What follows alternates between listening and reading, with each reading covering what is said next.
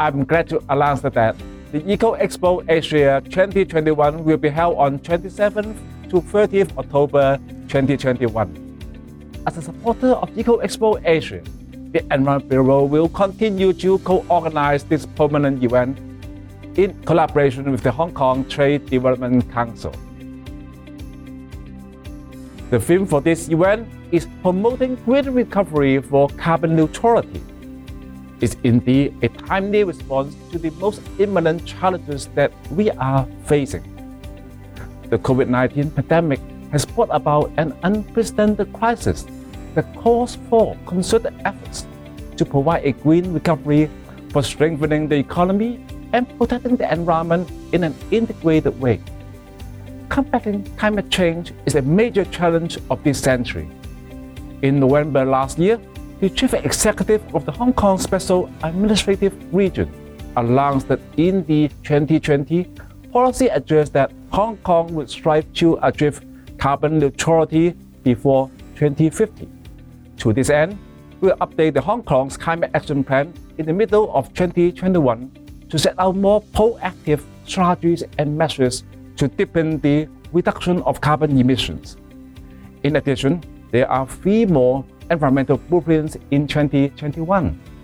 In February 2021, we also launched the Waste Blueprint for Hong Kong 2035. The updated Waste Blueprint advocates waste reduction, resources circulation, zero landfill that can help build a circular economy, create green jobs, and support decarbonization. In March 2021, we launched Hong Kong's first ever roadmap on the popularization of electric vehicles, EVs.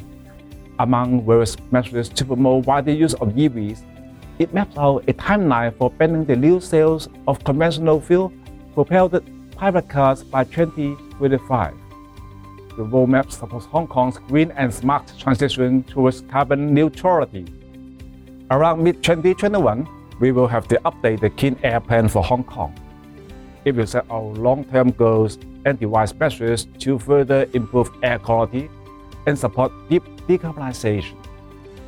To achieve a green recovery and deep decarbonization, we need to innovatively explore various types of zero carbon energy and decarbonization technologies, promote zero carbon vehicles and green mobility, and develop modern waste to energy and waste to resources facilities.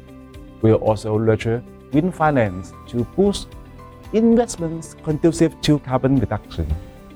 The Eco Expo Asia 2021 will provide a valuable platform for showcasing and exploring the latest green and decarbonization technologies and products, and offer a host of green business opportunities. I hope you will join us in promoting green recovery for carbon neutrality at the Eco Expo Asia 2021 in the coming October. Thank you.